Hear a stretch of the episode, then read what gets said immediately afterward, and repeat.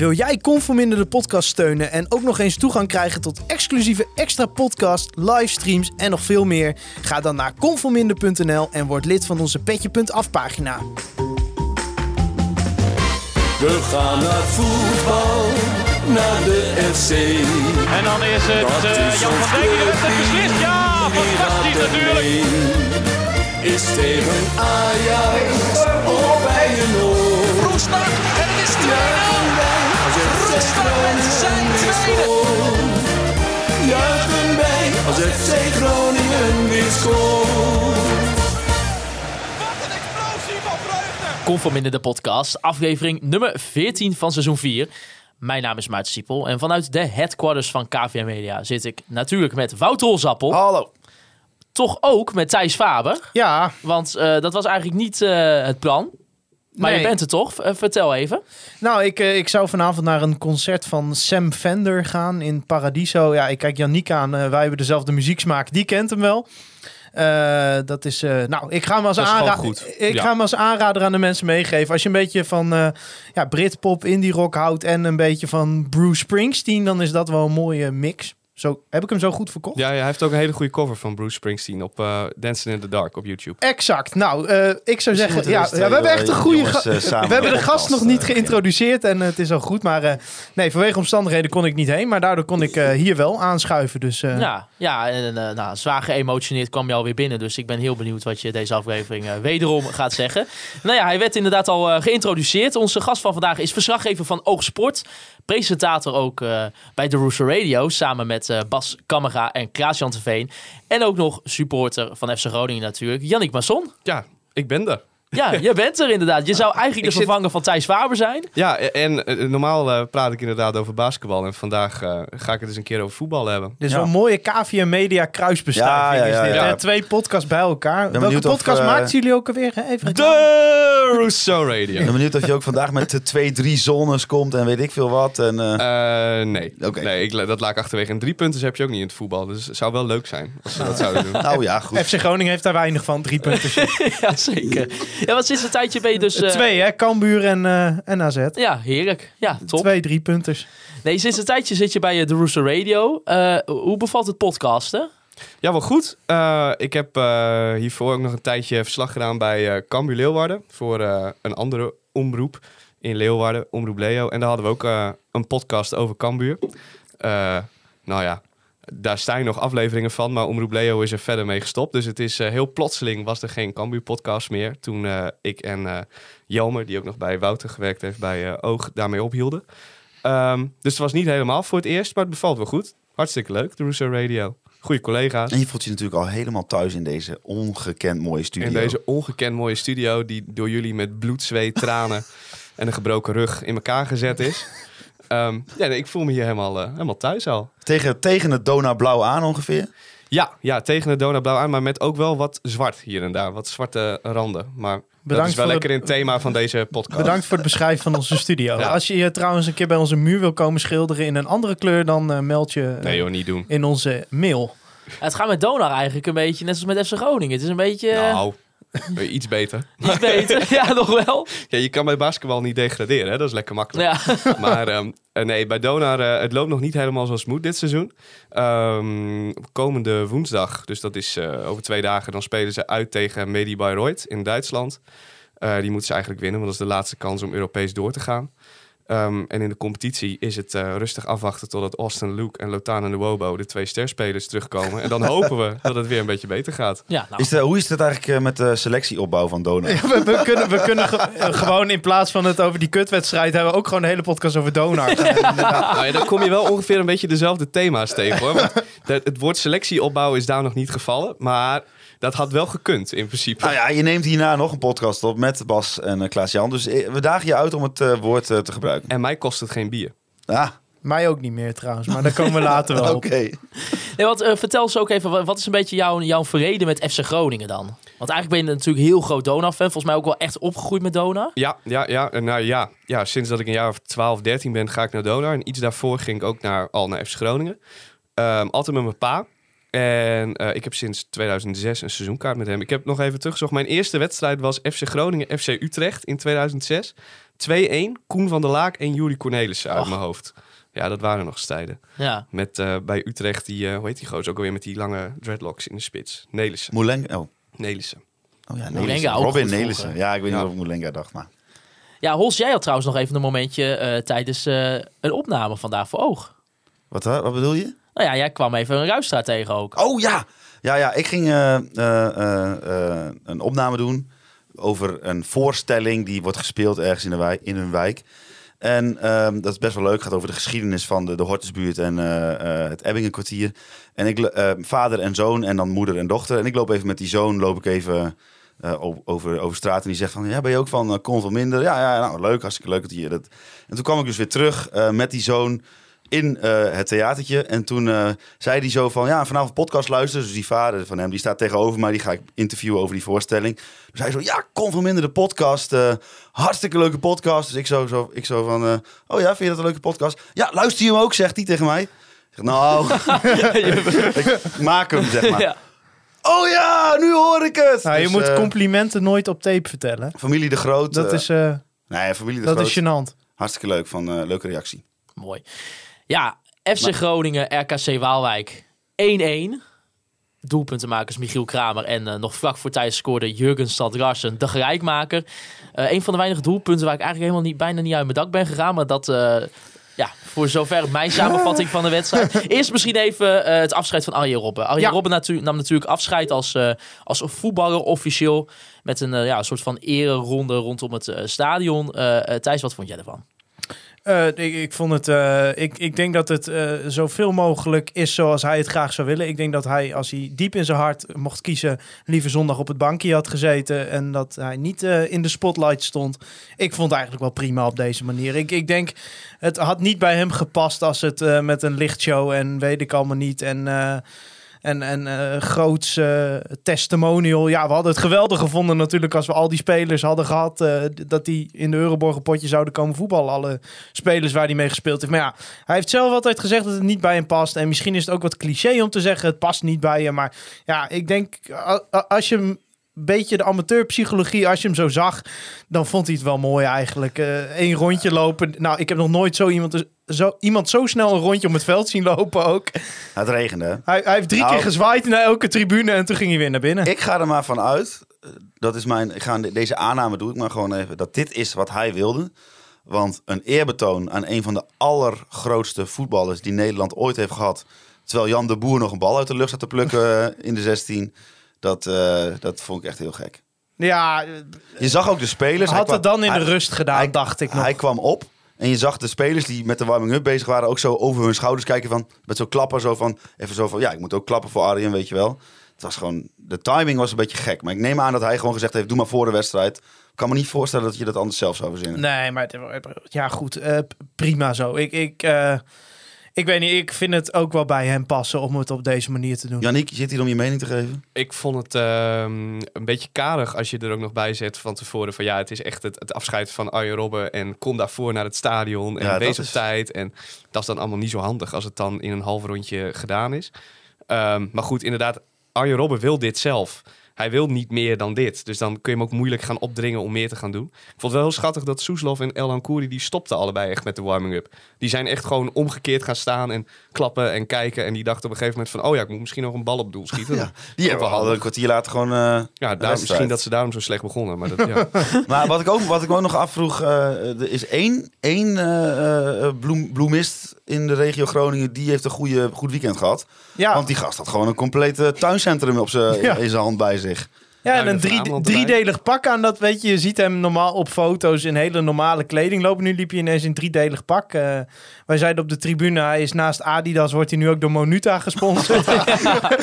Stikken met eh, een boeket zo in zijn ja, handen. Ja. ja. Het was ook wel een Maar, eh, beetje een gek gezicht. Ook met dan de interviewer ernaast met een, een, een, een groene jas aan. En dan Arjen Robben in echt in een volledig driedelig pak. Inderdaad. Het zag er eigenlijk een beetje gek uit. Maar dat, ja. Nou, ik, ik weet niet. Ik vond het. eh, ik, ik, weet je, ook die beelden dat hij dan eh, met het hele gezin op de fiets naar het stadion komt en zo. Ik, Het, het was goed zo, prima. Misschien hoort het er ook wel gewoon een beetje bij dat het allemaal net niet is of zo. Nee, precies. Ja, maar ik, ik, het, kijk, weet je dat... Maarten Sieper, wat vond jij van het Nou ja, kijk, afscheidsmoment weet je, ik snap wel. Kijk, ik ben het wel met Tijn Zeese. waarsch- Dit is 100% natuurlijk overleg met de club. Arjen, wat wil je doen? En waarschijnlijk, eh, nou ja, Arjen wilde al helemaal niet zo'n testimonial-wedstrijd. Inderdaad, dat eh, bij wijze van spreken Sergio Ramos en eh, nou, Bastian Schweinsteiger nog een keer in de Euroborg komen om een wedstrijd te spelen.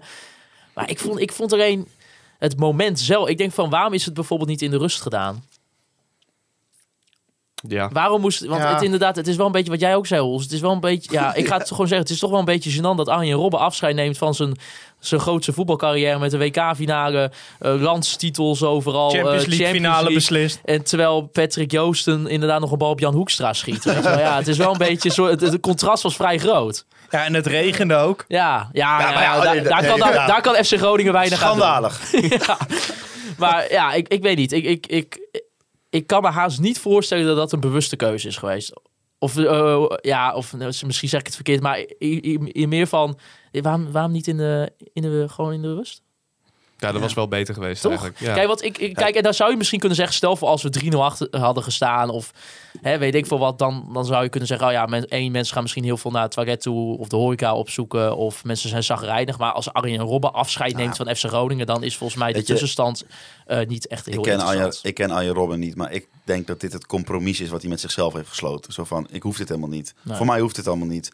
Maar toch, ik, eh, ik vind dat toch dat ik die mensen hier dat ook een beetje... Hè, ik wil dat wel een beetje aan ze geven. En dan krijg je, dit krijg je dan. Nou, wat eh, ik eh, luisterde de Koffiecorner vanmiddag, eh, podcast van RTV Noord over FC. Ik denk dat iedere luisteraar van Koffieminder de Koffiecorner wel kent, maar voor het geval dat. vertelde Stefan Bleker en Nivino vertelde ook, ze, ze nodigen Arjen Robben regelmatig uit voor dingen, weet je wel, met 50-jarig jubileum, et cetera, et cetera. Hij wijst alles af. Hij zit er helemaal niet op te wachten, joh.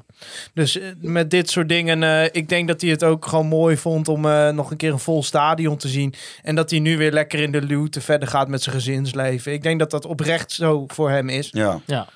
En dat kun je hem ook niet kwalijk nemen. Nee, aan de andere kant denk ik, weet je, eh, het hoort er nou eenmaal als wereldster wel bij dat Ja. je aandacht krijgt. Dat je, weet je, hij hoeft niet te verwachten dat hij in, in Helpman gewoon, eh, want daar woont hij, dat hij daar naar de supermarkt kan en dat niemand hem aanspreekt of herkent. En dat vindt hij denk ik ook prima. Maar ja, weet je, we kunnen niet voor hem spreken. Ik denk dat hij hier zelf, eh, nou ja, dat zei hij ook tevreden op terugkijkt. Nou ja, dan maar naar eh, de wedstrijd. Danny Buis gooide de boel wederom een keer om. Eh, we speelden eigenlijk in een soort van nieuw systeem. Een soort van 4-1-2-1-2. Zoals ik het ook een beetje ook overal las op, eh, op verschillende websites. eh, waardoor Kassam Wiljo meer als ja, een soort van controleur speelde met Soesel van El Kouri aan, aan zijn zijde. Eh, ja, Heb je- ik net in de vorige aflevering zeg maar, een soort eh, pleidooi gehouden om niet met Casemiro op 6 te gaan staan, omdat het toch niet de oplossing is en dan doet hij het. Ja. Ik denk ook dat hij het erom deed om jou te pesten. Ja, dat ja. lijkt me het meest waarschijnlijk. Maar hoe heb jij naar eh, die wedstrijd gekeken, Yannick? Ehm, ja, ik, het viel me bij de warming-up inderdaad al op dat Casemiro waarschijnlijk op 6 zou spelen. Omdat hij in die rare paas- en trapvorm die ze altijd doen zonder tegenstanders. Waarbij ballen alle kanten op vliegen behalve de goede. Maar dat geheel tezijde. Dat hij daar ook al op 6 stond. Ehm, dat, toen dacht ik, nou interessant. Gaan we zien hoe dat, eh, hoe dat, hoe dat loopt. Kijk jij al zo op die manier naar de warming-up? Ja. Dan kun je namelijk ook wel zien hoe de wedstrijd gaat beginnen. Nou, ik, ik dacht dat ik zag altijd in de warming-up ging ik altijd op Yannick Pol en Matteo Cachera letten toen ze nog bij ons speelden. Die schoten alles naast en over. ja. Ik denk, ja, dan is het niet gek dat als ze straks tijdens de wedstrijd dat ze er ook dat ze ook niet scoren. Nou, en nu gingen de ballen zonder tegenstanders in de buurt alle kanten op. En toen dacht ik, nou ja, dan begint de eerste helft zo meteen. En dan gaan de ballen ook alle kanten op. En nou is bij FC Groningen dat niet zo raar.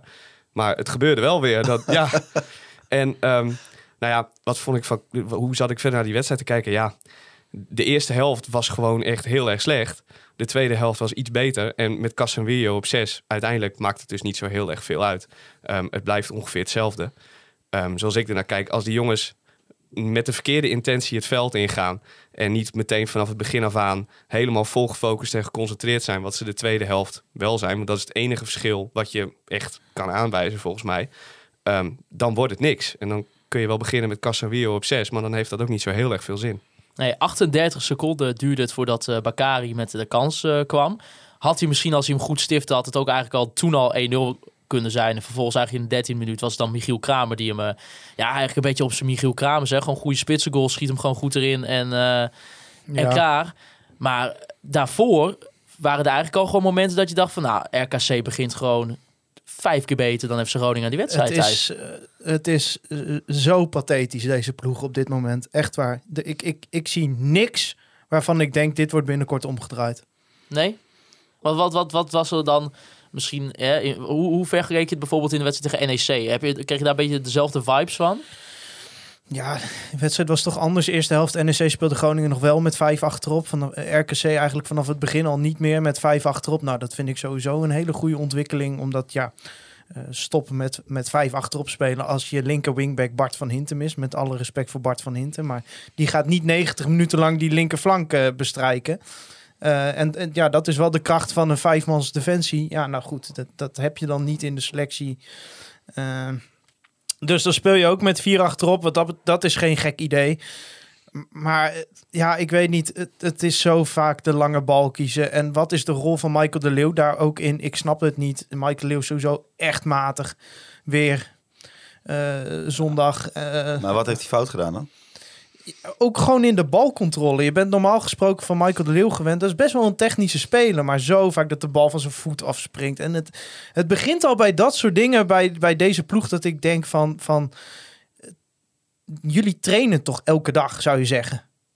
Maar gewoon paasjes achter de man geven. Eh, op het moment dat er een keer een omschakelmogelijkheid ligt... gaat de tempo er eigenlijk meteen uit. RKC had een hele makkelijke middag. Want RKC is een stugge ploeg. Sowieso, die drie achterin bij RKC zijn denk ik alle drie verdedigers die ook alle drie bij FC Groningen in de basis zouden staan als wij daar nu, eh, ja, als wij die hadden. wel. Ja. Eh, dat is blijkbaar ook de realiteit tegenwoordig. Ehm, en, en RKC wist gewoon door op de juiste momenten druk te zetten op Groningen en de juiste spelers niet aan de bal te krijgen. eh, ja, Ja, en ook durven om echt met zes, zeven man tegelijk op het moment Ja, dat Groningen kiest ja, om op te bouwen. Dat ook gewoon doen. Groningen, Iedereen weet. Groningen kwam er niet uit. Nee. En RKC had zoiets van, nou, geef FC Groningen de bal Ja. maar. Ze creëren toch niks. Ja, af en toe een paar van die pathetische voorzetten. Ook gewoon een situatie dat Michael de Leeuw eindelijk de hoek in wordt gestuurd. Weet je wel, nou oké, Michael de Leeuw uit positie. En dan schiet hij hem voor.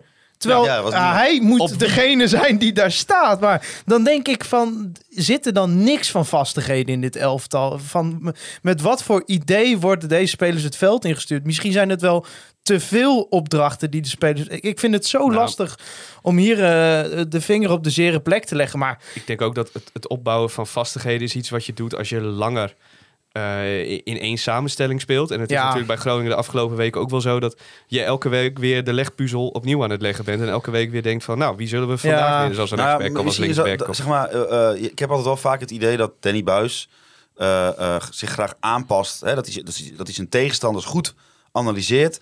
En dat hij Ja. daar bewuste keuzes op maakt van... hey, eh, tegen, de- tegen, tegen deze tegenstander is het misschien handig om eh, deze speler hier neer te zetten... en deze speler hier neer te zetten. Maar soms krijg ik wel een beetje het gevoel alsof dat zeg maar boven eh, de eigen kwaliteiten van spelers gaat. ja, je, je gaat... Weet je, mijn hele Kijk, simpele voetbalgedachte is gewoon...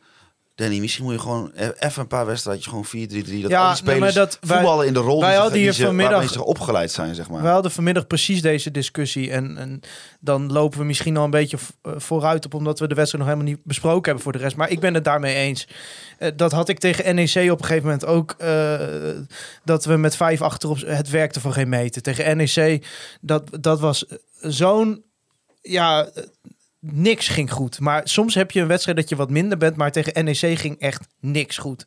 Eh, soms denk je wel eens van... moet je ze niet gewoon 4-3-3 eh, en eh, met een 6, een 8 en een 10... en zet op iedere positie de sterkste speler... die je voor die rol in de gelederen hebt... volgens je eigen beslissing en hou het simpel. Maar ja, weet je, als dat de oplossing zou zijn... ja, ik kan me niet voorstellen dat de technische staf dit nooit bedenkt, zeg maar. Dus Nou ja, laten we bijvoorbeeld eens naar een voorbeeld gaan. Er was ook een vraag van Peter van Dijken. Die zei, is Mo El Kouri op het middenveld een tactische blunder van Buis? En weten onze aanvallende spelers überhaupt hoe ze een kans moeten creëren? Nou ja, misschien inderdaad dus het eerste deel van de vraag. Mo El Kouri op het middenveld bijvoorbeeld dan weer. Die, die wordt ook op elke positie nu eh, Kijk, gebruikt. Hè? Het ligt eraan. Eh, Buis heeft dit vorig jaar ook twee keer gedaan met El Kouri op het middenveld. Eén keer om eh Haroui vast te zetten van Sparta. Nou, dat heeft eh Mo toen uitstekend gedaan. Haroui is 90 minuten eh, eigenlijk niet aan de bal geweest. Eh, tegen Bazoer ging het toen minder goed, omdat eh Bazoer ineens niet meer als libero speelde, maar meer op het middenveld. En daardoor raakte de boel door de war en Vitesse was goed die avond. Nou ja, dat is dan vorig seizoen. Maar het is iets wat Buizen wel vaker heeft geprobeerd, probeerde ik te zeggen. Ehm, maar het pakte nu niet goed uit. Daar ben ik wel mee eens. Nou ja, hij wisselt dus inderdaad heel veel eigenlijk van, van zowel gewoon spelers op verschillende posities. Ook Devon Bezema en Frank Kwebeman, die hadden daar een vraag over. En die zegt, ja, wordt het niet gewoon eens tijd dat Buis eens met een vast elftal eh, gaat beginnen? Dat continue wisselen van spelers en posities van spelers helpt ook niet bij het vormen van een teamverband. Het lijkt me daardoor al door te veel eh, dat er gewijzigd wordt. Dammers en Swerko aan elkaar en Leeuwenburg laten wennen. Jammer voor de nu geblesseerde, maar als het loopt kun je stapsgewijs wel wat meer inbrengen. Is dit een vraag of is dit gewoon al de mening? Ook een mening. Allebei. Maar moet Allebei. je, moet je dan na zo'n wedstrijd tegen NEC, wat misschien wel de slechtste wedstrijd van FC Groningen de afgelopen tien jaar was, zeker die eerste helft, moet je dan maar, eh, dan kun je toch niet na zo'n wedstrijd zeggen, oh we zetten dezelfde elfde weer neer, want het werkte niet. Ja, lastig. Nee, maar ik vind na deze wedstrijd misschien wel iets anders. Ik denk die wel dat je tweede de- helft Ja. heb ik na rustfases gezien waarvan ik mogelijkerwijs zou kunnen denken, Ja. misschien kan je hier wat mee. En 4-4-2 met een ruit past ook iets beter bij de filosofie die Buis heeft dan 4-3-3 weer. Dus hij zal ook iets sneller geneigd zijn om dat te doen dan een 4-3-3. Ah, dat vind ik wel interessant dat je over de filosofie van eh, Buis eh, zegt. Maar ja, Buis denkt altijd eerst, hoe krijgen we geen doelpunten Nou, tegen? ik, ik, nogmaals, ik zat naar de koffiecorner te luisteren en daar zeiden ze dat ook, wat, waar ik het wel heel erg mee eens ben. Dit elftal herken ik Buis niet meer in terug. Nee. Eh, eh, waar heeft Danny Buis voor gestaan? Danny Buis is op een gegeven moment bij FC Groningen gekomen. Nou, eerste tien wedstrijden, vier punten, ging heel slecht. Vanaf dat moment is ervoor gekozen om van FC Groningen eh, echt een verdedigingsmachine te maken in principe. Dus het begint altijd, stel een aanvaller, dan kijken we eerst met hoe is hij in het druk zetten en hoe is hij in het meeverdedigen en dan wat kan hij aanvallend. Ja, want in dat seizoen eh, was het buis regelmatig. Liep hij, nou ja, opscheppen vind ik heeft dan een negatieve lading, maar liep hij ervan over hoeveel eh, sprints Mimoun Mahi Ja, maakte per bijvoorbeeld. wedstrijd. Maar, maar En dan niet met een bal. In het grotere plaatje. FC Groningen heeft de afgelopen drie jaar daardoor heel weinig kansen tegengekregen en relatief heel weinig goals tegengekregen. Ga je de afgelopen wedstrijden bekijken, zit Groningen elke wedstrijd bijna boven de 2.0 expected goals. Ik zei het vorige week ook al, dat is onder Buis de laatste jaren ondenkbaar geweest. Dat dat structureel gebeurde. Kijk, je had altijd PSV uit, Ajax uit, krijg je altijd wel meer dan 2 XG tegen. Dat is ook helemaal niet erg. Eh, maar eh, bijvoorbeeld een AZ thuis gebeurde dat bijna niet. En laat staan een NEC uit of een Sparta uit. Ja, dan gebeurde dat echt niet. En ja, om, we kunnen nou ook niet zeggen dat dit elftal er heel veel kansen tegenover zet. Eh, sterker nog, minder nog dan vorig seizoen.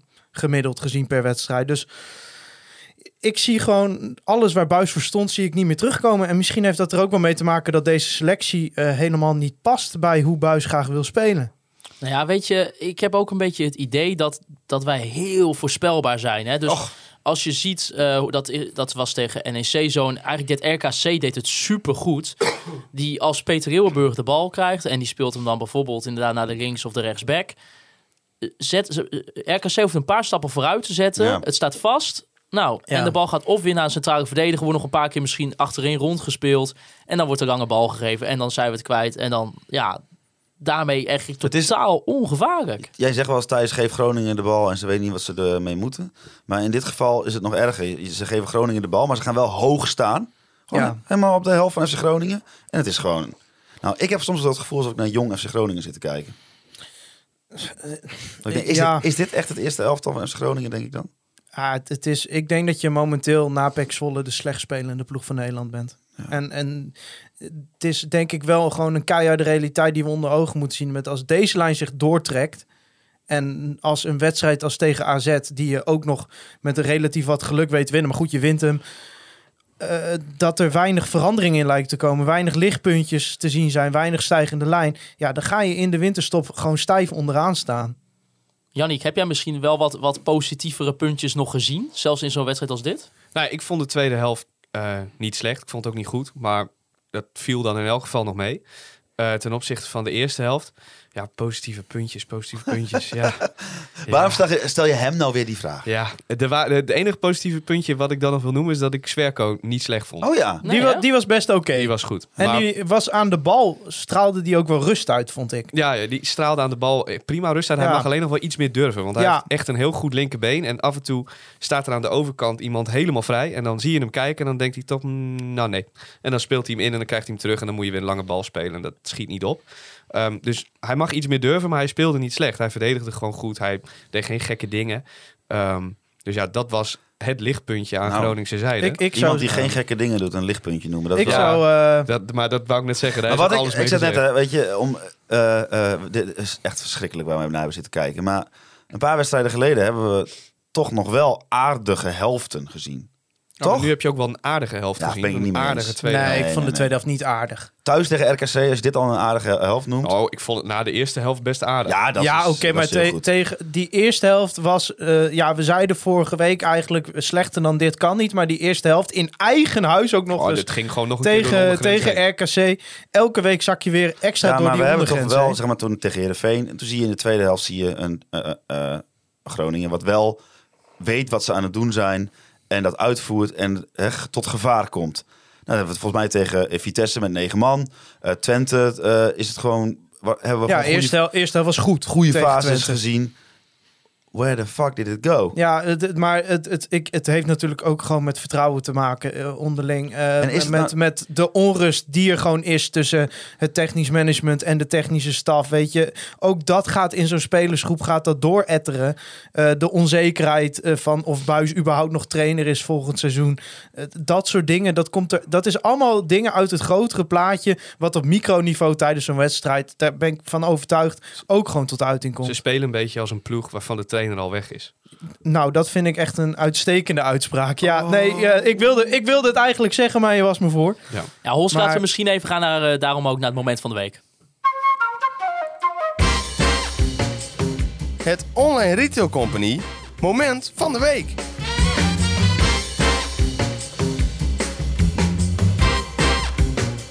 Ja, ons moment van de week, gesponsord door onze grote vrienden van de Online Retail Company. En normaal gesproken is het oprecht een mooi moment. eh, Denk ik, altijd geweest tot nu toe. Eh, ja, nu gaat hij gewoon heel erg cynisch zijn. Ik vond het, eh, het was het fluitsignaal van Van de Ja, scheidsrechter. het laatste, het laatste Ja, fluitsignaal. eh, ik, nee, maar ik, eh, weet je, ik meen niet... het was ook een mooi fluitsignaal. Ja. een definitief fluitsignaal van... En dat we weer met teleurstelling naar huis konden. En eh, eh, eh, Thijs, toen dat laatste fluitsignaal ging, toen, wat voelde jij toen? Eh, gelatenheid. Oh nee, dat mo- ik moet Nee, nee, zeggen... nee. ik, ik kookte over van woede. Maar wat kon ik daar nou aan doen? Nou, eh, als je bij de online retailcompany.nl op zoek gaat naar wat verkoeling, kun je dus naar climatewebshop.nl. Ja, Climate schrijf je overigens eh want ik was, een C. ik was Het boos... is Engels. Ik was boos op de .com is het trouwens. Ik was, ik was boos op de prestaties van de ploeg. Boos op, op de Ja. Stand op de ranglijst. Boos op de selectieopbouw natuurlijk. Ja. Dus eh, nou, ik kon wel even een aircootje gebruiken. ja, maar stel dat je het spel je koud laat, dan kun je ook een gaskachel krijgen. Dat ook nog eens. En waarschijnlijk ook een air refreshener, of hoe zo'n ding ook heet, die de lucht zuivert. Is er ook een elektronische pomp bij, William? Nee? Nee. nee? Deze keer niet? Ook Deze weer keer- niet? Nee, God. ik zit te zoeken. Maar Jammer, jammer. helaas ik eh, kijk, ik zie die Maar site ook- nu voor het eerst. Dat is wel geweldig dit. Ja, Nee, maar Hallo, andere- wij hebben niet zomaar een sponsor. Schrikdraad.com. Ja, nee, dat is... Kom eh, je erop? die hebben, ja, Nou ja, als je schrikdraad verkoopt dan, en je kan Ja. de domeinnaam sch- schrikdraad.com. Ja. Stel je hebt schrikdraad nodig, dan, dan, dan typ Ja. je toch in schrikdraad.com. Ja, .nl dan, maar prima. Eh, dat is niet een webshop van onze sponsor, dus die, eh, die piepen we eruit, deze domeinnaam. Maar ik heb ook, hè, eh, op, een gegeven moment komt de goal van Jurgen Strand Larsen op, eh, ja, ik weet niet hoe Mo hem raakt, maar Mo raakt hem en Jurgen die loopt er tegenaan Nou. en hij vliegt er opeens in. Ik vraag me af of Mo het helemaal 100% bewust deed. Hij zag hem in ieder geval staan, dus Nou, dat is al goed. Volgens mij als je naar de beelden kijkt, dan kijkt Mo alleen maar eh, naar de bal. Zeg maar zo naar beneden. Mhm. Heeft hij Strand Larsen nooit gezien en wil hij gewoon een bal heel hard of op of voor het doel langs schieten. En dat eh, Strand Larsen daar per ongeluk tegenaan loopt. Ja, sorry. Ik ben dan, in dit geval ben ik dan erg cynisch dat ik denk van, dit, ja, dit is opportunistisch. Hè, je Ja. moet af en toe het geluk aan je zijde hebben. Nou, en eh, weet je, prima. En Jurgen- Gevoelsmatig hebben deze wedstrijd alsnog verloren hoor. wil Nou ja, weet je, dat wou ik zeggen. Kijk, vind ik leuk. Je hebt dan nu wel een punt, maar eh, Nou ja, weet je, het is leuk. Ik vind het leuk weer voor Jurgen dat hij in ieder geval weer een doelpuntje maakt. Het was het tweede doelpunt van het seizoen. Ja, ik juich altijd uit principe. Ik, eh, ik had, ja, eh, ik een heel klein beetje, maar ik inderdaad, ik had wel hetzelfde. En ik wil niet al te zuur doen, want weet je, met alle randzaken en iedereen kan met zijn, met zijn eh, soort van redenen komen waarom het tegen zit. En dat is, ik snap het wel, dat heeft te maken inderdaad met het missen van een cruciale positie met de nummer 6. inderdaad, teams met, eh, gewoon een team met geblesseerde eh, jongens die nog nooit samen hebben gespeeld. Eh, veel te veel wisselingen in de eerste elf. Ik snap het allemaal wel, maar ik kon ook niet bij die 1-1 echt helemaal uit mijn praat gaan. Want ik dacht, ik, ik kwam wel gewoon de realisatie. Ik denk van jongens, dit is wel tegen RKC thuis. Ja. En dan, en dan hè, kijk, als het tegen zit. Hè, dus we hebben bijvoorbeeld een hele wedstrijd soort van wel gedomineerd. Maar hij viel, hij viel niet. Of we krijgen misschien een rode kaart die, die onterecht is. Weet je, ja, dat, daar kan ik dan mee leven. Maar als het, als het zo is en we moeten in de 85 minuut bij een 1-1. Ja, ik weet Ja, het niet. tuurlijk, weet je, het is, Het is niet, ja. het is niet alsof ik teleurgesteld ben met dat FC Groningen scoorde, maar het is nou ook nee, niet... natuurlijk eh, niet. Als, ja, weet je, natuurlijk ben, eh, je speelt altijd liever gelijk dan dat je eh, verliest, maar gevoelsmatig heeft FC Groningen gewoon verloren. Vind, ik liep met het gevoel het stadion uit, we hebben verloren. Ja, ja en dan even misschien ook over Danny Buis. Patrick Keijzer die had een vraag. Die zegt, Buis had het over eh, dat er pas problemen zijn als we gedegradeerd zijn. Begint Buis moedeloos te worden en weet hij het niet meer? Ik vond het wel een heel raar antwoord. Eh, De problemen beginnen pas als we gedegradeerd zijn. Nee, dat is de oorzaak van de problemen die je hebt. Ja. Dat lijkt me toch duidelijk. Maar Het gevolg. ja, het gevolg van de problemen die je hebt. Dank je, Wouter. Ehm, maar of Buis het... Of, eh, wat, hoe, hoe, hoe werd het verwoord? Of Buis de, eh, de- het kwijt is of de moed ja, hij, begint... het is misschien een beetje moedeloos. Ik, Dat. eh, Een beetje apathisch. Zo stond hij ook wel een beetje aan de, aan de zijlijn.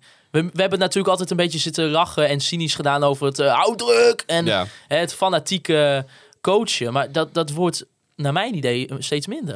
Ja, ik vond wel dan nog typerend dat hij Ngonga eruit haalde voor Postema in de rust. Want Ngonga die deed ook overduidelijk weer niet wat hem opgedragen was. Als in, Ngonga, bij Ngonga stopt het spel zodra hij de bal kwijt is en de bal bij hem uit de buurt is. Ehm, en dat is niet wat Buis wil. Dus dat, vond ik dan nog wel dat ik dacht van ja, dat is terechte ingreep. Maar inderdaad viel me ook op, hij zit een beetje stil langs de kant. Maar dat is al een paar weken Nou, zo. hij verklaarde dat zelf, want hij werd ernaar gevraagd, volgens mij door ESPN. Hij verklaarde dat zelf, dat hij zei van ja, vorig seizoen eh, hadden de spelers het nodig dat ik het deed. En nu zijn er een hoop spelers eh, die er meer baat bij hebben als ik het niet doe. Dus is het schreeuwen langs de kant en het... Dus ik vind dat ook weer... Kijk, dat is natuurlijk ook weer eh, eigenlijk een, een steek onder water naar het aankoopbeleid. Dat hij zegt van ja, de spelers die zijn gekomen, die hebben niet de mentaliteit die bij mij passen. Eh, waar hij misschien ook wel gewoon gelijk in heeft als je ziet hoe de ploeg speelt bij, bij Vlagen. Ja, ik, ik ga. Dit is puur gevoel hoor, dus nergens op gebaseerd. Maar ik had in minuut 70. Hè, toen kwam er weer zo'n fase dat RKC weer wat vaker voor het doel van Groningen kwam. Ja, plus dat Bakari Toen- had eigenlijk al de 2-0 moeten Ja, aankomen. maar toen had ik echt even een gevoel van... dit is gewoon de laatste wedstrijd van Danny Buis... als trainer van FC Groningen die we gaan zien. En tuurlijk Maar als je gaat niet het met hem wil verlengen, dan Ja. wat, wat die indruk krijg je toch. Dan Tuurlijk gaat het uiteindelijk niet gebeuren. En ik heb inderdaad de indruk, sterker nog, ik, ik durf zelf te zeggen 90% zeker dat Danny Buis eh, zijn contract niet wordt Ja, verlengd. natuurlijk. Maar anders hadden ze dat ook al wel gedaan. Ja, de- ook daarom. Maar eh, i- ja, i- ik weet, niet, ik weet ook niet of het nu de oplossing zou- zou zijn om Buis er nu maar uit te gooien. Ik zou er ook altijd tegenstander van zijn, omdat ik vind dat Danny Buis de afgelopen drie seizoenen genoeg krediet heeft opgebouwd. En, en, maar ja, de ploeg speelt niet meer des Buis. Dus eh, nogmaals, ik wil niet oproepen van ontsla Buis. Maar ik, ik had wel het gevoel van... het zou wel het gevolg kunnen zijn van deze wedstrijd. En eh, ik vind dat Vladeris eh, zijn functioneren ook verbonden is aan de prestaties van Danny Buis. On, onlosmakend. Dus ik, ik zou ook zeker vinden dat het in ieder geval voor hoe Vladeris erop staat...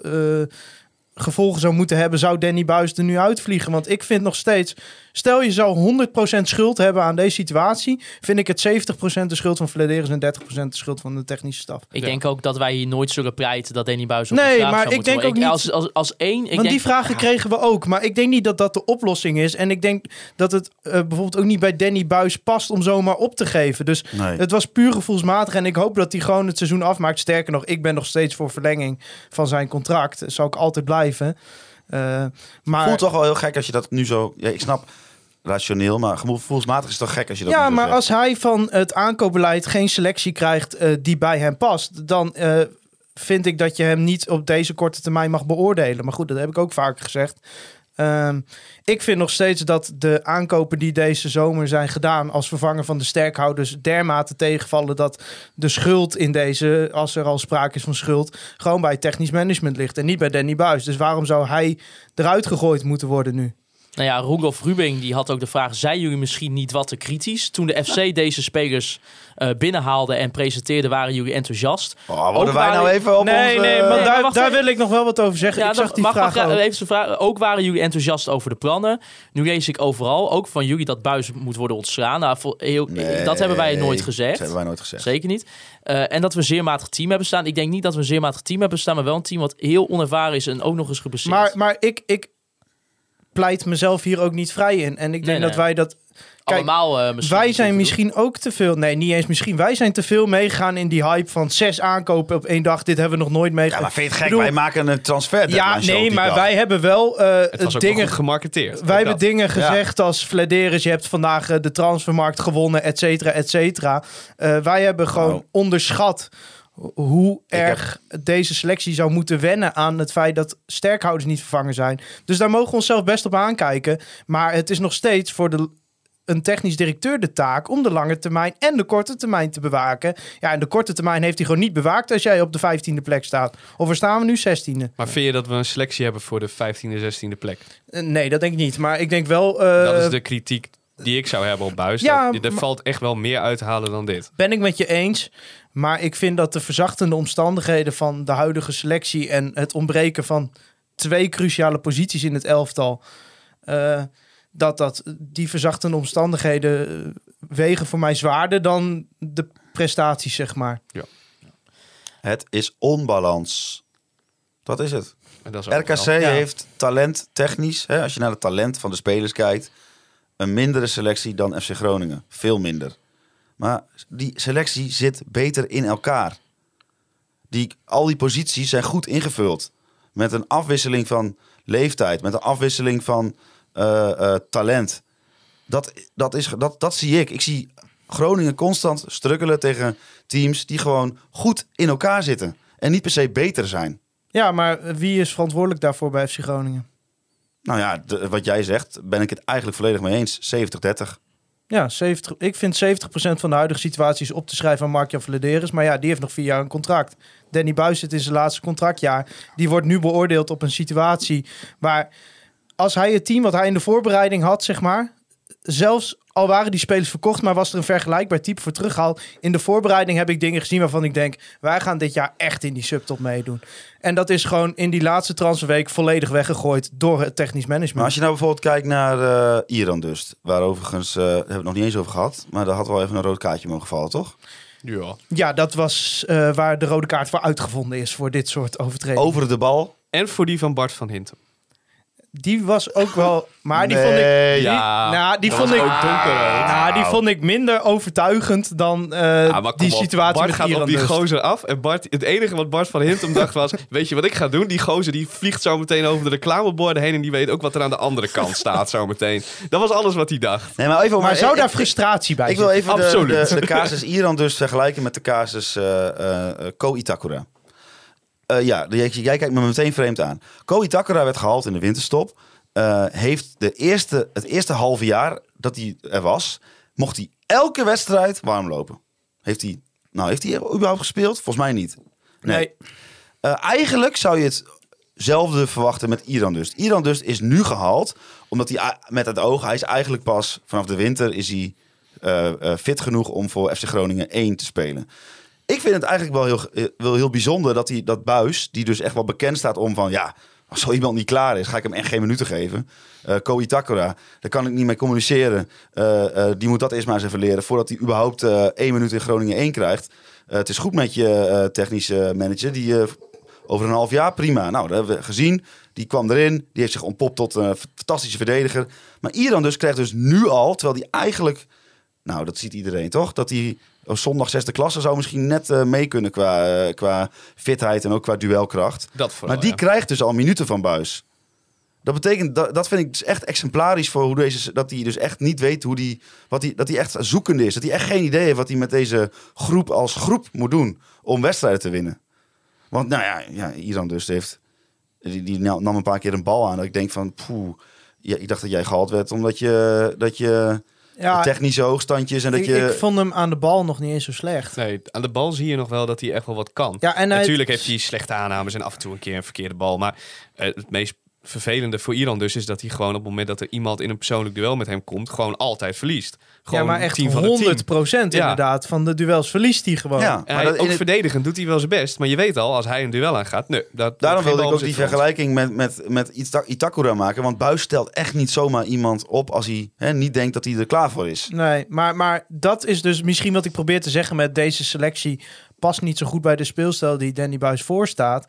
Eh, een speler in, een, in het systeem van Danny Buis kan ook een aanvaller het zich niet permitteren om niet verdedigend ook je steentje bij te dragen. Sterker nog, dat is het eerste waar de technische staf hem op beoordeelt. Eh, dus misschien past deze speler helemaal niet zo goed in dit elftal. Ondanks dat hij gewoon hartstikke goed kan voetballen. Kijk, dan kun je op de lange termijn gaan afvragen... is Danny Buis dan nog wel de trainer voor FC Groningen? Ja. Prima, maar ik vind nog steeds op de korte termijn kan dat niet. Oké, maar dan wil ik wel een andere vergelijk maken die ik ook heerlijk vind om te maken. Eh, er kwam ooit een speler bij Ajax die eerst bij eh Heerenveen en FC Twente heeft gespeeld.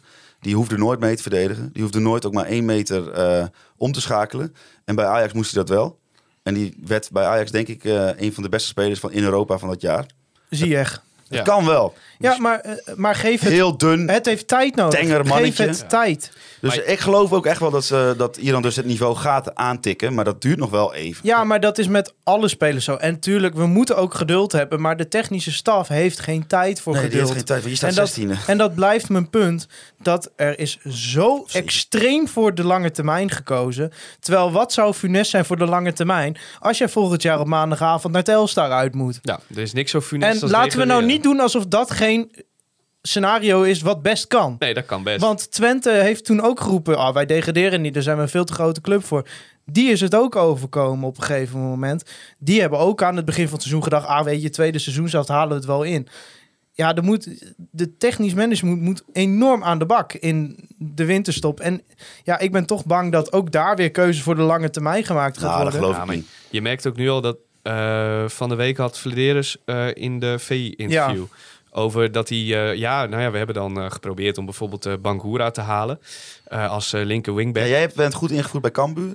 Die is erg goed. Ja, die is heel en, goed. en was hij haalbaar voor Groningen? Eh, nou, ik- dit- misschien heeft Vladeris gelijk. Hè? Want Vladeris zijn argument was... nee, die was, die was te duur voor ons. Nou, dat is altijd een makkelijk argument. Want dat weet niemand.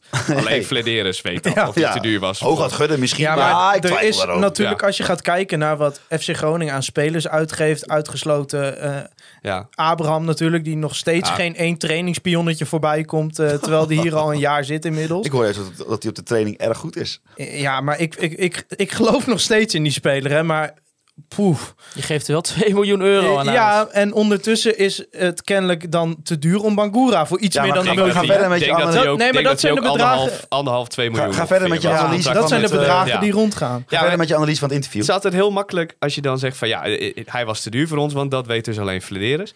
Ehm, maar de- vervolgens dacht ik dan ook, ja, maar toen ben je ook gestopt of zo?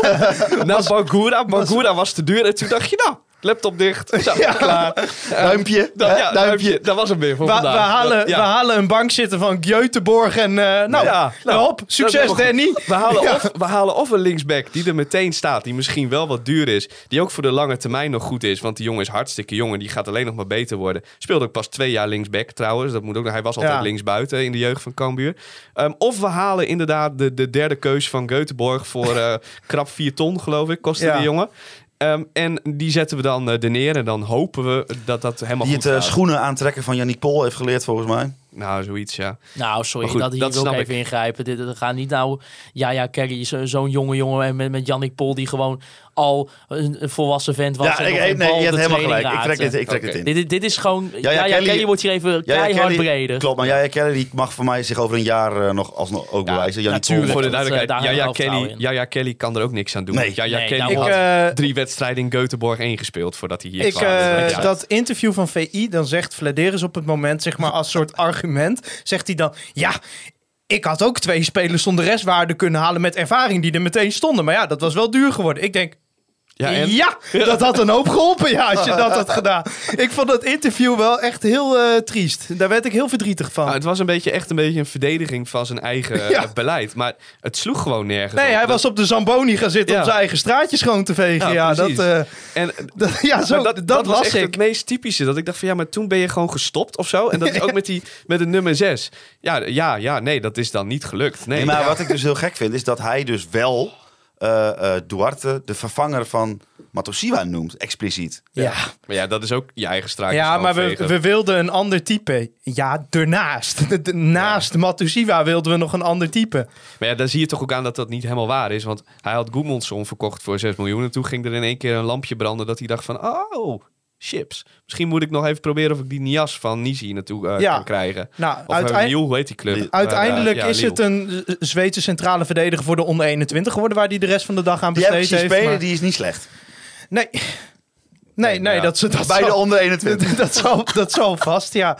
Nee, het is wel een vrij... eh, ik, ik word er enorm eh, cynisch van deze situatie. Ja, nee, dat is ook wel. Ik, ik was ook... eh, ik, ik ben er wel geëmotioneerd over, maar dat wel afgemixt met gelatenheid. Niet per se boosheid. Ik heb gewoon geaccepteerd dat wij tot de winterstop eh, eh, sowieso niet meer gaan En winnen. in de winterstop is het wel do or die. Je moet in de winterstop wel wat gaan doen. En wel gericht wat gaan doen. En de, precies de goe- twee goede aankopen doen met het geld wat je nog hebt.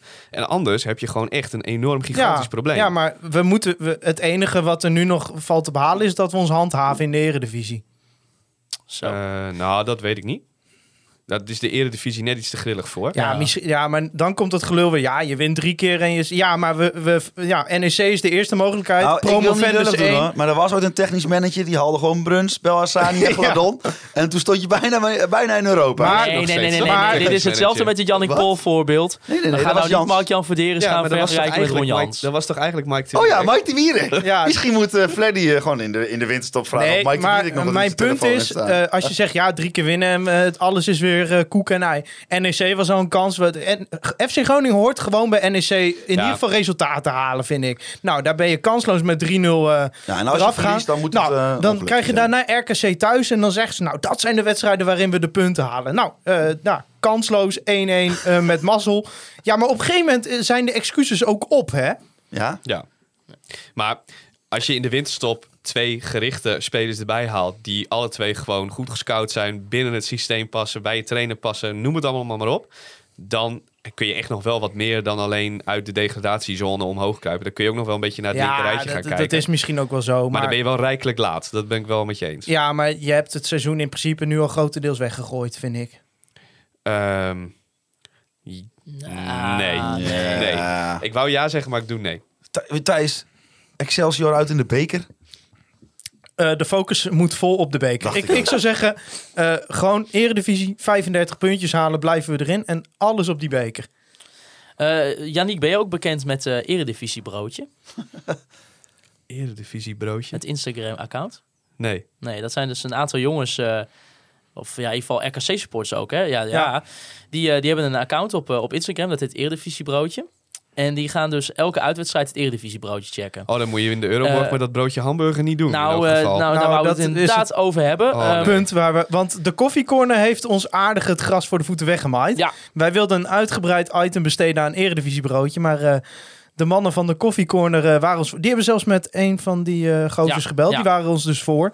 Maar konden ze ook eh, minpunten Hij maakt er wel veel reclame voor. Ja, nou, je, je, krijgt, Ja, je wordt echt ook podcast. afgestraft als het een slecht broodje is. Ja. Nou, nu hebben wij in het, eh, de laatste keer dat RKC bij ons op bezoek kwam, kreeg het broodje een 8,5. Dat was dus een eh, lekker broodje hamburger met ui, augurk, ketchup en mayo. Daarnaast een snelle service tussen de tralies door. Kortom, een dikke 8,5 en dus een echte aanrader. Daarmee werden we tweede achter het broodje Benam van FC Twente.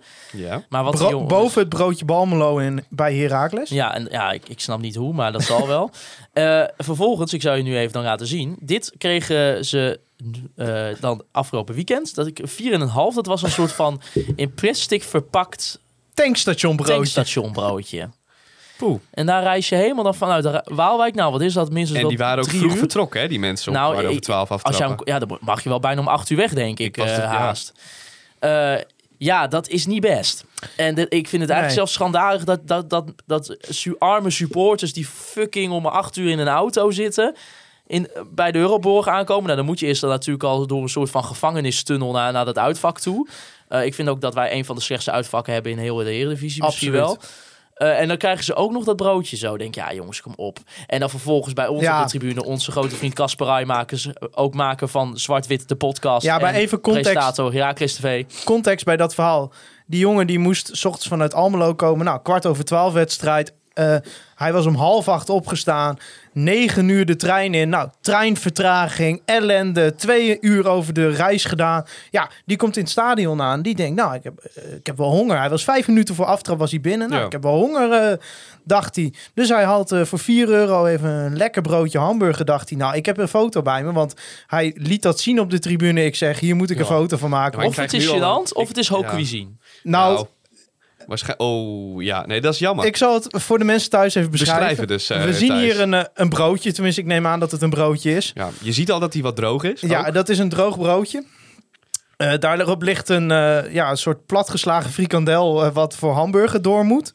En daarop liggen drie stukjes net niet doorgebakken ui. Nee, van die, zeg maar dat hij glazig is. Ja. Wat wel eens in een recept staat, bak u ui glazig. Dat. Ja, 4 euro had hij daarvoor Ja. betaald. Ja, Ja.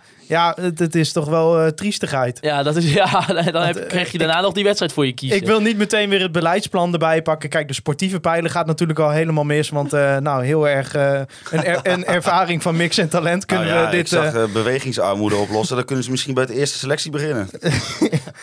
maar eh, nou ja, een mix van ervaring en talent... daar kunnen we momenteel niet van spreken in de Nou, eerste selectie. Maar dat is En- achter, achter de balie bij de counter wel zo hoor. En de, eh, eh, een Europees voetbal najagen, daar hoeven we denk ik voorlopig ook niet over na te denken. Dus nou, de sp- sportieve pijlen gaat al mis. Maar een van die pijlen, hè, het mooiste evenement, we hebben er een hele podcast aan gewijd, was dat je van voor tot achter eh, hè, de wedstrijdervaring, word je elke keer weer verrast met goedheid. Ik heb het even teruggelezen. Je wordt ver- ja, nee, verrast met excellentie of zo. Ja. Dat, dat was de tekst. Nou, Verrast met excellentie. ja, en dat is dit broodje, absoluut. Ja, Oké. absoluut. Zullen we op onze socials dit broodje zetten? Ja, ja, ja. Maar ik, ik, wil, ik wil nog wel even een, wel positieve dingen. Want ik, ik, ik, Ik lees soms ook dat supporters iets hebben dat het best wel lang in de rij staan. Of dat er maar bepaalde tabs openstaan. Ik heb tot nu toe daar niet echt een ervaring mee. Ik heb echt alleen maar ervaring nog maar dat ik echt heel snel mijn drink krijg. Maar dat, En ik, ik heb ook nog een iets positiefs. Ik, Ik heb een, nieuwe huisgenoot sinds een, ehm, eh, mei. En eh, sinds hij bij mij woont, luistert hij ook naar onze podcast. En eh, eh, ik heb hem meegenomen voor het eerst naar RKC. En dit was, dit was dus ja, eigenlijk zijn eerste FC Groningen ervaring. En hij vond het dus leuk en hij wil nog een keer mee. Terwijl het gewoon echt, nou misschien wel de, de slechtste wedstrijd in eh, tijden was. Dus niet alles is slecht. Het is nog steeds heel leuk om naar FC Groningen te gaan. op de Piet Franse tribune kan het wel een stukken beter met Ja. Moet ik eerlijk toegeven, waar ik zit. Vind jij het nog leuk om naar FC Groningen te gaan? Ik vind het altijd leuk om naar FC Groningen te gaan. Ehm, ook omdat dat zeg maar, eh, zeg maar zo'n ding met je vader, weet je wel. Dat Oh je ja. dat al heel lang doet. Dat is altijd leuk. Dus heel vaak hebben wij het ook niet over de wedstrijd als we op de tribune zitten. Maar over hele andere dingen. Ehm, en nog iets over dat beleidsplan trouwens. Waarom staan er om het stadion heen ineens overal random JBL-boxen... waar heel hard muziek uitkomt? Misschien valt het niet zo op als je de ingang 1 hebt als je naar nee, Noord gaat. ik, ik, ik, heb Maar bij de rest van het stadion, je is overal om het stadion heen staan nu JBL-boxen waar heel hard muziek uitkomt. Ik vraag me ernstig af waar dat in het beleidsplan naar voren gekomen is, dat dat een ding was. Nou, wij hebben volg- volgende week hebben wij Wouter Gudde in de podcast Oh. hier. Eh, ja, dan weten de mensen dat ook meteen. Ze geven ook licht trouwens, die Ja, boxen. nou, dit is, het, dit is het eerste wat ik ga vragen. Ja. Dus de Bluetooth speakers eh, Ja. buiten En- het stadion. Ja, waarom staan die daar ineens? Nou, dat is het eerste wat in het script staat volgende week. Ja, lijkt mij duidelijk. Ja, maar in ieder geval, dat, dat, eh, ja, ik wil maar gewoon even gezegd hebben. Ik vind het gewoon dat uitsupporters. Ik weet niet eh, hoe het bij andere wedstrijden is. Maar ik vind niet dat je om kwart over twaalf bij... eh, misschien kan je dat bij Heerenveen een keer leuk doen. En dan doe je een verpakt broodje. En, of in- gewoon een plastic verpakking doe je er geen broodje in voor Heerenveen supporters of zo. Maar als, als mensen uit Waalwijk komen, dan, dan gaan we ze toch niet met een soort van tankstation broodje. Wat, weet ik veel, iemand van, de- van de horeca nog ochtends een keer bij het tankstation bij het Hoendiep heeft gehaald. Maar ze konden ook gewoon wel patat en eh gehaktbal en frikandel krijgen. Maar zij doen altijd het broodje. Ja, maar geef dan een goed broodje. Ja, oké. We hebben in het verleden gezien, ze kunnen het blijkbaar. Hij heeft Het Eredivisie Broodje heeft daar gewoon een goede review aan gegeven. Ze hebben nu gewoon compleet de plank mis- misgeslagen. Misschien hebben we wel het slechtste broodje gezien in de Eredivisie. Waarvan is- akte. Dan even over Jan Hoekstra. Want Jan Hoekstra die was eh, boos. Eh, ja. ja. een beetje zacht gezegd. Die heeft eh, gezegd bij Stefan Breker dat hij eigenlijk helemaal gezegd? klaar is met zijn rol bij FC Groningen. Ik wil het liefst in de winterstop vertrekken, zegt hij. En hij zegt, in de voorbereiding had ik eh, echter al vanaf de eerste dag het gevoel dat het door de technische staf al een keuze was gemaakt voor Peter Leeuwenburg. Doordat de prestaties van het team nu niet goed zijn, wilde de trainer alsnog met Leeuwenburg op goal beginnen tegen Helmond Sport. Terwijl ik juist gehoopt, ha- gehoopt had op de beker. Nou ja, daar kreeg je dus ook al niet de kans. En Jan Hoekstra is er eigenlijk een beetje klaar mee en die wil graag FC Groningen verlaten. Het liefst zo snel mogelijk. Wat vinden we ervan? Nou, ik denk eh, dat eh, hij eh, niet goed genoeg is voor FC Groningen. En dat het eh, prima is dat hij dit zegt. En, maar ja, dat hij... eh, Ik had wel liever gehad dat hij dit intern had gezegd. Maar het is ook wel weer typisch voor FC Groningen dit seizoen... dat de reservekeeper dan in één keer ontevreden is met zijn rol. Ik vraag Dat me past er altijd ook wel af, helemaal bij. als, als het, want ik, ik kan me haast niet voorstellen dat Danny Buis of Adrie Poldervaart of Alfons Arts dit niet ziet. Hoe, hoe sta je dan de volgende dag met zo'n jongen op zo'n trainingsveld? Op dezelfde manier als Ja. anders, denk ik. Eh, het wordt, ja, misschien dat je hem na training nog even bij je roept. Maar eh, verder eh, gewoon business as usual. Ehm, ja, ik vond het eigenlijk een beetje raar om dat zo naar buiten te brengen. Daar zo stellig over te zijn. Het is toch ook niet alsof Jan Hoekstra aan het begin van dit seizoen echt verwacht had dat hij eerst keeper zou zijn. Ja, oké, Pat gaat weg. Maar het was wel duidelijk dat Groningen een andere keeper ging halen. Dus toen Leeuwenburg binnenkwam, wat had hij toen precies verwacht? Dat Ja. vraag ik me dan een beetje af.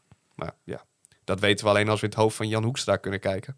Ja, nou ja, ik weet nog wel de historische wedstrijd natuurlijk tegen Harkemaanse Boys. Daar mocht hij keepen. Ja, dat was, is, eh, eh, was ook nog geen makkelijke wedstrijd trouwens. dat eh. is een enige officiële wedstrijd Ja. in FC Groningen shirt geweest. Ja. Pat Eh, hoofdpijn. Ja, kijk, weet je, het is natuurlijk wel zo. Het verhaal Jan Hoekstra was natuurlijk wel mooi geweest als je een jongen uit eigen opleiding had die onder de rad staat bij, bij FC Groningen.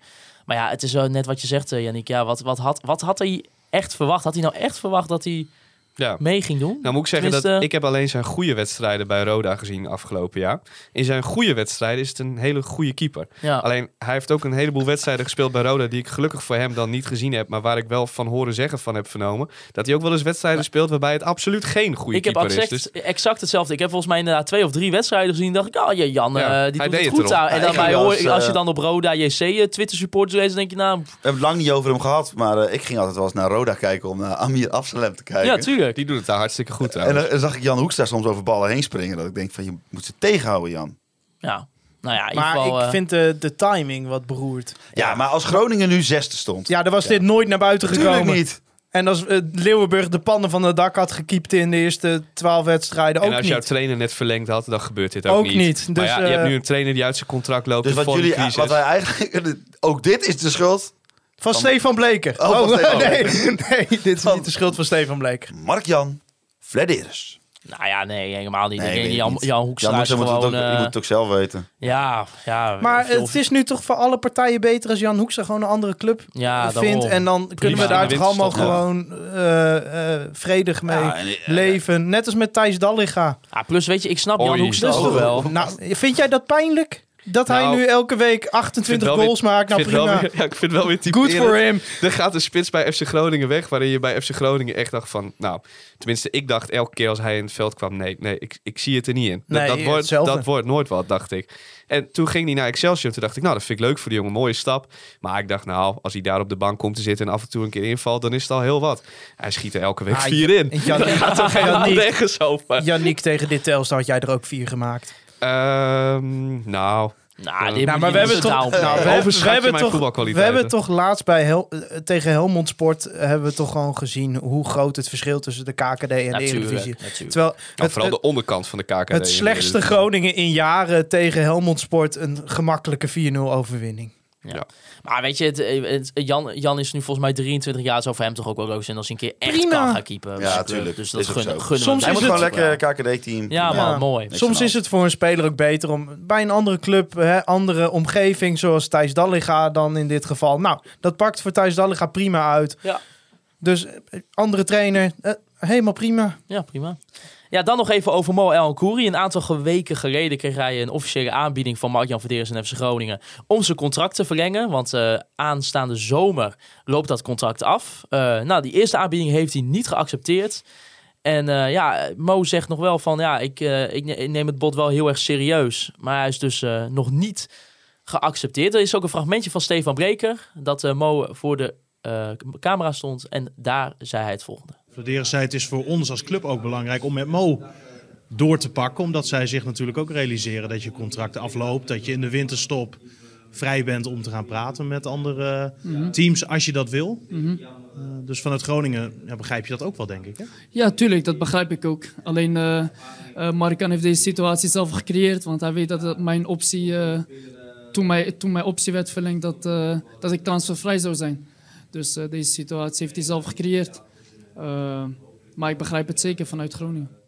Ook hier zou ik weer willen zeggen dat eh, de timing allemaal niet handig is. Maar het lijkt ook een beetje. eh, ik heb het idee, maar dat kan ook gewoon zijn woordkeuze zijn. Dat het een beetje ook een, gewoon een klein sneertje is ook nog wel. Van ja, Mark Jan heeft dit wel zelf Het gecreëerd. is zeker een klein sneer. Toch? Absoluut Dat vind ik ook wel weer heel, sneertje. heel Maar, eh, grappig en volgens stoer mij van is hem het- trouwens. Ja. Maar, ja. Nou, volgens mij is het toch ook helemaal geen geheim dat eh Moel Koeri toch wel redelijk zijn, eh, zijn, zijn lot eh, heeft vastgeklampt aan dat van Danny Buis. Ja, dat heeft hij bij ons ook wel een beetje aangegeven. Dat het wel belangrijk was of Danny Buis blijft bij FC Groningen of hij wil verlengen. Ja. Nou Ja. moet ik wel zeggen dat Kijk. of je het contract van Buis verlengt, ehm, daar moet je niet van af laten hangen. Of dan moet je niet denken van, oh, ehm, we moeten het contract van Buis verlengen, want anders verlengt Mo El Hankouri niet.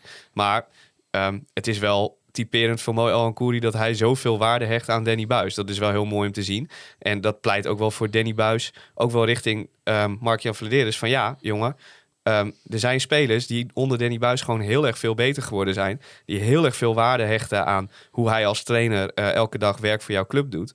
Ehm, en misschien dat je daar dan toch nu op dit moment iets meer waardering voor kan hebben. En in elk geval ehm, kan doen alsof je graag zijn contract wil verlengen. Ja, maar Moel Koeri, eh ik ga het eventjes lekker de andere kant pakken. Moel Koeri was natuurlijk eh, zonder de club FC Groningen. Speelde hij nu waarschijnlijk eh, in de derde divisie amateurvoetbal. Zonder de club FC Groningen met Danny Buis. Ja, zeker met Danny Buis. Maar Met ja, eh, elke andere willekeurige trainer denk ik dat ik ook. Mo El Kouri al lang verdwenen was. ik denk ook dat eh, zeg maar, de timing is nu ook heel ongelukkig. Omdat hij de afgelopen drie wedstrijden ongeveer nog slechter was dan het niveau dan toen hij echt slecht was. En ook dat ligt ook weer een klein beetje aan Danny Buis. Want, eh, hij voetbalt alsof hij, eh alsof hij luciferstokjes onder zijn, eh, onder onder zijn Nou, Mo kan, gewoon niet aan de, Mo kan gewoon niet op een andere positie spe- goed spelen dan zeg maar in een opkomende rechtsbackrol. Als je hem aan de linkerkant zet, is het drie keer niks. Als je hem te veel centraal op het middenveld zet, is het ook niet al te best. Dus hij heeft één, één ding wat hij heel erg goed kan en daar moet hij gewoon voetballen. Ehm, en ik hoop dat Buis dat nu inmiddels ook gezien heeft, want dan, dan is het een prima speler. Ja. Ik eh, zie dit. Enerzijds ben ik het wel met jullie eens ook. Het heeft ook met Danny Buis te maken dat hij niet verlengd wordt door Vladeris. En dat Buis en Vladeris gewoon met elkaar in de clinch liggen op dit moment. Zo simpel is het gewoon. Ehm, maar ik denk ook dat dit het gevolg is van eh, het eh, contractbeleid, het verkoopbeleid van wat Vladeris heeft gevoerd sinds hij bij Groningen zit. Het is gewoon. Kijk, bij spelers is het heel leuk om naar FC Groningen te komen, maar het is heel moeilijk om er weer weg te komen. Want eh, bijvoorbeeld met Matosiwa hebben we dat gezien. Die kon naar Lans. Nou, dat is, was voor hem op dat moment een hele grote stap. Hebben ze niet gedaan. Nou, dat is tot een conflict gele- geleid. Zeefuik wilde naar Hertha, maar kon ook naar Southampton. Southampton bood gewoon meer. Dus FC Groningen wilde hem naar Southampton hebben, maar Zeefuik wilde dat niet. Nou, Vladeris zei, nou, dan ga je ook niet naar Hertha. Eh, dat is ook tot een conflict geleden. Ja, spelers horen daar ook van Adrie. met Adrie Poldervaart hebben we het gezien. Spelers krijgen dat mee en die weten gewoon... eh, met deze technisch directeur eh, kan ik niet heel makkelijk de stap maken als de club dan komt. Dus ik, ik zie het ook wel een beetje een gevolg van dat. Aan de andere kant denk ik ook wel van... het is nou niet alsof El Kouri zo goed is dat ik denk... je moet alles op alles zetten om zijn contract te verlengen. Ik heb wel zoiets van... als hij graag wil vertrekken en denkt ergens anders een stap te kunnen maken... en met een contract vrije status dat nog makkelijker te kunnen. Ja, misschien moet je hem dan de ruimte geven en eh, als club accepteren dat je, dat je voor zijn positie of zijn rol een andere speler moet gaan zoeken. Ja, het is jammer dat het je aanvoerder is. Nou ja, daar zag ik eh, op eh, de online eh, media in ieder Nou, geval maar, veel twijfel over of dat zo moet blijven. Zonder die discussie te voeren, nou dat kan hierna nog wel. Maar het is jammer dat het je aanvoerder is, omdat het op het elftal natuurlijk afstraalt als de aanvoerder zijn contract niet wil verlengen. Dat is gewoon voor de buitenwacht geen ideale situatie, zeg maar. Ja, want je hebt altijd ook een beetje discussie rondom loyaliteit. Hè? In hoeverre moet een voetballer Ja, maar dat is in de voetbalwereld een illusie. zijn- Hè, maar kijk, ja, daarin is het ook lastig van ja, in, natuurlijk eh, zonder Danny Buis eh, in, in dit, met dit FC Groningen was Mo El misschien nu inderdaad een, een buitenspeler geweest bij, bij Spakenburg of weet ik veel wat. Maar ja, aan de andere kant heeft Mo wel echt ontzettend hard gewerkt op de plek, voor de plek waar hij nu zit. Ja, als hij straks wel transfervrij gewoon misschien een stap in het buitenland kan zetten naar, naar een oké club of ergens misschien in de zandbak zelfs geld kan verdienen. Ja, Ja, we weten ook niet, niet tegen? We weten niet wat het aanbod is geweest van Daarom. FC Groningen. Als zeg maar eh eh, El zich niet eh, voelt gewaardeerd in of dat nou puur salaris is of misschien inderdaad zo'n. kijk, je kunt ook gewoon een jaar verlengen en dan gaan we gewoon kijken van, nou, komt er een club, dan werken we mee. Zeg maar, zo'n constructie zou je kunnen doen. Eh, mis- misschien zit dat in de huidige aanbieding er gewoon niet in. Eh, en eh, ja, het is nou niet alsof Flederis bekend staat als iemand die zeg maar spelers en stafleden wel even een stap gunt als ze dat. als die mogelijkheid er ligt. Sterker nog, in tegendeel. Hij zal altijd in het belang van de club handelen. En dat is prima. Maar ik ben er wel van overtuigd dat dat in dit soort gevallen onderhandelingen in ieder geval moeilijker maakt. Ja. Ja, misschien dat toch ook nog even over dat aanvoerderschap. Eh was Emiel Miedema die vroeg, wanneer krijgt Soeslof de band? El Hankouri is geen leider voor het team en Soeslof is echt onze dirigent. Ja, maar een jongen van 19 aanvoerder maken ben ik ook weer niet per se voor. En, en ook, Kijk, er is een reden dat... eh, ik ga, ja, sorry jongens dat ik hem er toch bij moet halen. Maar er is een reden dat Matthijs de Ligt op zo'n jonge leeftijd bij Ajax aanvoerder werd. Waarom? Omdat er zulke fucking goede spelers om hem heen stonden. Die al, hè, die, die, die, die al dat team droegen. Maar Suslov is de enige ongeveer die dit team draagt. Ga je hem dan ook nog aanvoerder maken? ja, Dan hij moet hij dus al- ook na de wedstrijd. Hè, want hij is, nou ja, we weten allemaal, hij spreekt niet heel goed Nederlands. Engels weet ik eigenlijk niet. Zijn Engels, is- Oh, zijn. Engels is wel Engels goed. is wel redelijk goed. Dan moet hij dus ook elke wedstrijd, want ik zie dat Mo nu ook doen. Ik denk, arme Mo. Dat hij elke wedstrijd naar die klote verliespartijen moet hij tegen de media gaan vertellen wat er allemaal schort. Hij is daar wel heel geschikt voor overigens. Ja, want hij is nogal ook. ad rem. Wie, eh Thomas Soeslof. Thomas Soeslof. Ja, hij heeft geen blad voor zijn mond. Nee, ik weet niet of, de, of de, de, de, de perschef bij Groningen er heel enthousiast van wordt elke week dan. Maar Nee, Ja. maar de, de- het probleem is vooral, er is eigenlijk niemand die je zonder Maren nu die band om zijn klauwen Maar waarom zou je het überhaupt... Wat schiet je er nu mee op door een andere aanvoerder aan te wijzen? Ja, Ga je dan ineens wel beter spelen? Ik denk Nee, het niet. Dus niet. Ik, eh, Maar ik snap ik wel. vind het persoonlijke non-discussie. Die beslissing is gemaakt Klopt, op basis van... eh, door mensen eh, die elke dag met deze groep werken. Is ook zo, Die- maar het sentiment snap ik wel. Omdat Ja. nadat hij die band om zijn klauwen kreeg, eh, schiet hij ineens alle ballen Ja, zijn. maar ik vind het echt te opportunistisch Is om nu ook, te zeggen van ook. pak hem de band af. Want daar, daar ga je die gozer niet mee helpen. Daar ga je het team niet mee Nee. helpen. Dus, en, en, als je gewoon goed kijkt naar wat er in Ja. het veld gebeurt, is Soeslof al de aanvoerder. ja, en dat is prima. Want je kunt toch meerdere leiderstypes ja. in het veld hebben. Ik bedoel, hij is ook... eh Casemiro raakte geblesseerd. Die, rende daarna overigens nog drie sprints. Dat ik dacht van, nou, zo geblesseerd Ja. is hij ook weer niet. Maar toen was Soeslof de eerste die naar hem toe kwam. Die zei van, jij moet in de spits gaan staan. Ja. anders komen we achterin een man tekort. En dan moet hij daar en hij zo. En dat, Ja, ja. weet je, hij doet dat al. Dus Ja. hoeft dat nou met of zonder band is, dat maakt niet zoveel uit. Soeslof is Zeg echt... je nou dat eh, aanvoerders zijn eh, niet... eh, ja. Jawel, alleen bij Soeslof levert het op dit moment alleen op dat je... Je kunt wel meerdere aanvoerders hebben. En bij Soeslof levert het alleen leuke interviews op nu. Daarom zou ik het doen. Nou, Soeslo- ja. Soeslof is echt een geweldige speler. En dat is echt wat ons in deze tijden er doorheen sleept. Dat we nog zoiets achter de hand hebben. Ja, maar hij is elke wedstrijd de beste speler op het veld. Behalve Ja. als je tegen de top 3 speelt. Maar ja, Hij was aan de bal niet eens goed, maar wel gewoon weer in de, in de, gewoon de drive en de tackles en de... hij was bij de tegengoal ook de enige die wel omschakelde. Ja. Dat is ook heel typerend, want iedereen staat stil. Eh, maar Soeslof is de enige die nog een beetje druk op de bal geeft. Zo, die tegengoal was voor mij dus het definitieve eh, teken. eh, het spel onder Danny Buis zit er niet in in deze ploeg. Nee. Dit was een, een buisorganisatie nooit overkomen. Zo'n omschakeling, zo makkelijk. Drie duels verliezen, drie bases. En dan een sprintduel verliezen van Michiel Kramer. Daar was ik ook ontzettend verbaasd over. Kan gewoon. En volgens mij had Leeuwenburg die bal ook kunnen hebben. Maar goed, dat is een andere discussie. Ja, in ieder geval even een, eh, een periode dat we geen wedstrijd hebben. 21 november speelt FC Groningen tegen Go Ahead Eagles uit. Dan Oh, ja. zitten jullie in Amerika. Nou ja, eh, ijs en corona dienen, daar zitten wij al in Amerika. Want er komt dus volgende week, Thijs, ga jij zitten met Wouter Gudde. En jullie ook, toch? Ja, allemaal? Ik weet niet. Ja, weet ons aan. Sta je daar, sta je daar Ja. helemaal alleen op de Ik- parkeerplaats? Nee, nee, nee. Hij komt hier naar onze studio toe, hè? Oh, oh Ja. dat, dat wist ik niet. Maar eh, helemaal goed. Nou, Dit is weer een goed ja, voorbereid. Ja, nou, dan, dan ben ik er ook wel. Ja, Ja. zo Ja, ben ik ik dan ook kan- wel ik kan ook wel, ja, denk ik. Jawel, Maar ja. nu even voor, misschien dat je dat Wouter Gudde dan nog wel even moet appen. Want als twee mensen denken dat, hij, dat je daarheen moet en eentje die denkt dat hij hierheen komt, dan... Nee, nee, ik vertrouw Thijs wel. Hij, hij, weet wel vrij zeker dat hij hier moet zijn. Hij wilde eerst in proeflokaal Hooghout opnemen. Maar ja, Oh. wij gaan niet in een volle kroeg een podcast zitten maken. Nee. Maar Och. eh, daarom komt hij naar... die eh, weer zuipen. nee, de vorige keer heeft hij ook alleen maar spaarrood Oh. gehad. Klopt, ja. Maar eh, dat, eh, nee, we gaan eh, lekker hier zitten. Dan hoeven wij onze set ook niet te verplaatsen. en daarna maar, moeten jullie het twee weken zonder mij en eh Hols doen. Ja, maar wat wel grappig is, is dus dat Thijs en ik zitten altijd eh, eh, met elkaar te discussiëren. Want eh, Go Ahead Eagles, FC Groningen is om kwart over twaalf. Ja. Trek daar even zeven uur vanaf. Tijd, tijdverschil. Kwart over vijf in Chicago. Ja. eh, eh, wat is het? welke, welke staat? Illinois. Chicago, Illinois. Dat is het kwart over vijf. Mhm. Ja, ik ben toch wel erg bang dat Thijs Faber of zijn biologische of zijn daadwerkelijke wekker dan ook afgaat om vijf uur. Absoluut. Nee, ja, ja.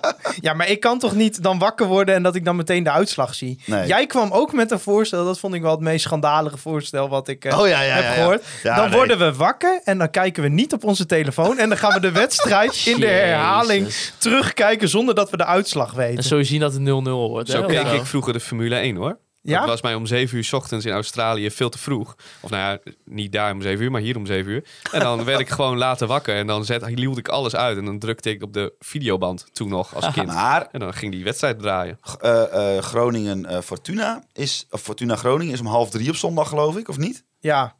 Ja, en dan zitten wij ook volgens mij in een tijdsverschil van zes uur. Ja, ja, ja. Dus dan half is het negen 's ochtends. half negen, dat is prima. Ja. En eh, ja, waarschijnlijk, de kans is wel vrij aannemelijk, de maat, en dat zeg ik jou dan ook maar bij deze, dat wij dan wel een audioapparaatje bij ons hebben en dat je zeg maar al 10 minuten van de podcast eh, minder hoeft te vullen, want het Mooi. lullen wij wel vol. Hoef ik niet eh, de hele tijd een monoloog te houden. Zeg maar. Nee. nee, dat, eh, dat komt wel goed eh, daar, voor die twee weken. Daar, eh, daar hebben we al een beetje wat dingen voor geregeld. De, u hoeft zich geen zorgen te maken. Eh, het wordt geen eh, monoloog dat ik maar... eh, wat moet- vond ik van de wedstrijd? Ja, wat vond ik ervan? Dan zo, Maar eh, moeten we dan ook nu iets met voor, voor, voorspellingen doen al voor twee weken of zo? Want- Oh nee, we gaan, of doen we dat volgende week? Thijs, hoe gaan we dit doen?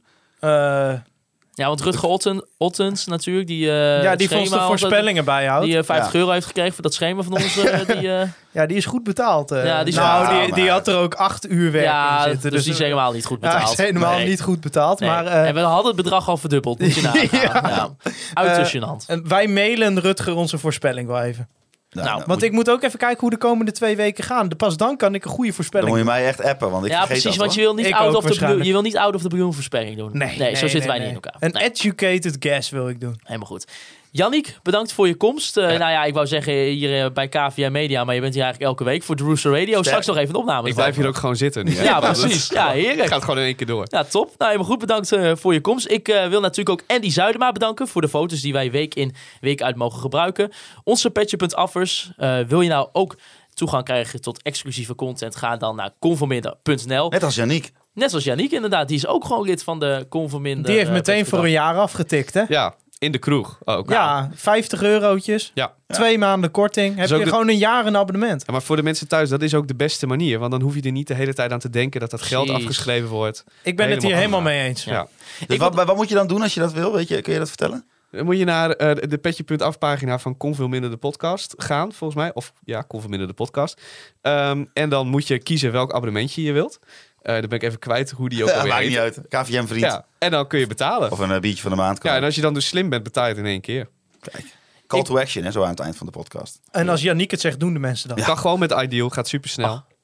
Ik wil ook de Online Retail Company natuurlijk bedanken voor een beetje deze cynische moment van de week. Maar ja, het kon eh, denk ik eh, helaas niet heel erg anders. B-Trip natuurlijk ook voor het inspreken daarvan. Free Westerhof en Mark Pepping. En volg ons natuurlijk ook via Spotify, Apple Podcast en Google Podcast. En via onze social media kanalen. Ik moet wel zeggen, bij de online retail company, het wordt wel tijd dat ze wat eh, nieuwe webshops gaan openen. Want ik ben bijna door de bestaande webshops heen. Ja, oké. Ja, nou ja, dat... eh, Klikdraad.com, extra Schrik- gauw. Ja. Ja, ja, dat Ja, wordt... wel.